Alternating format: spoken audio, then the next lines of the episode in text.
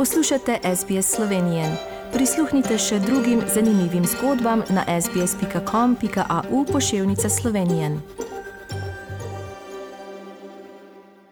Žita in stročnice za človeka že stoletja predstavljajo enega najpomembnejših virov energije. Običajno jih sami kuhamo. Tako imamo sveže pripravljeno živilo brez konzervancov in drugih dodatkov. Zakaj pa je stročnica in žita priporočljivo pred kuhanjem namakati, doktor Belevičeva in seveda najprej lep pozdrav na slovenski vdaji v Avstraliji. Lep pozdrav tudi vam. No, v preteklosti so žita in stročnice pripravljali na precej drugačen način kot danes. Večina ljudstev je žita in stročnice namakala ali fermentirala, preden so jih uporabili za kuhanje in peko. Pravzaprav ponekod še zmeraj to počnejo. Razlog za koristnost omenjenega početja je razgradnja fitinske kisline, ki je naravno prisotna večini žit in stročnic in svojo prisotnostjo v črevesju onemogoča izkoriščanje mineralov. Kaj pa je fitinska kislina in kje jo najdemo? No, to je snov, ki je prisotna v številnih rastlinah, v večjih količinah jo najdemo predvsem v žitih in stročnicah, kot sem jim omenila.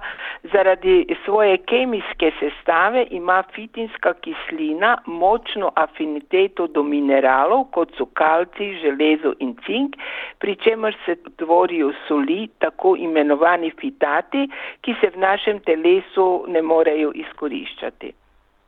Torej, fitinska kislina oziroma soli fitinske kisline, fitati, niso zaželeni v hrani v večjih količinah. Kaj pa lahko storimo? No, čeprav se fitinski kislini težko povsem izognemo, pa lahko njeno vsebnost v živilih s primerno pripravo močno zmanjšamo. To je še posebej pomembno za ljudi, ki jim primankuje mineralov ali pa so slabokrvni. Samo kuhanje ne prispeva prav veliko k razgradnji fitinske kisline, samo 10% se pri, uniči pri kuhanju. Zato žita, predvsem rž, rž in pšenico in druga žita, ter stročnice pred kuhanjem na sobni temperaturi namakamo vsaj 12 ur. Pred kuhanjem vodo, v kateri smo semena namakali oziroma stročnice, zavržemo, saj je fitinska kislina med eh, namakanjem se izločila vodo. Ali fitinsko kislino lahko odstranimo še na kak drugi način? Velik delež fitinske kisline se odstrani tudi pri rafiniranju žit, pri čemer se iz semen odstrani zunanja ovojnica, zato imajo bele moke manj fitinske kisline od polnozrnatih. A to nikako ne pomeni, da so živila iz bele moke bolj zdrava od polnozrnatih, saj odstran, z odstranitvijo ovojnice poleg fitinske kisline odstranimo tudi večino vitaminov, mineralov in vlaknin. Velik delež fitinske kisline pa lahko odstranimo eh, s fermentacijo, to nekatere nacionalne kuhinje tudi po, poznajo, to so predvsem te vzhodne. Želela pa bi poudariti, da pri zdravem človeku z raznoliko prehrano fitinska kislina ne predstavlja večjih težav. K temu lahko pozitivno prispeva še zdrava črevesna flora, tako imenovana mikrobiota, ki potem razgradi en del fitinske kisline, tako da brez strahu do fitinske kisline.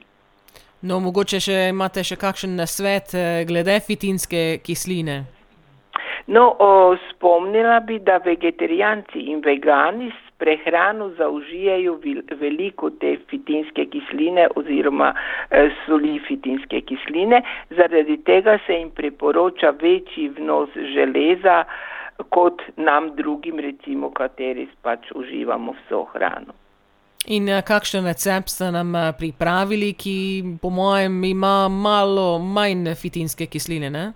Tako je, odločila sem se za eno tako solato, pri kateri lahko tudi ostanemo preostala živila iz prejšnjega dne. Torej, to je solata s fižolom, piščančjim mesom in zelenjavo. Potrebujemo 40 dekagramov kuhanega fižola. Fižol pred kuhanjem obvezno namakamo čez noč.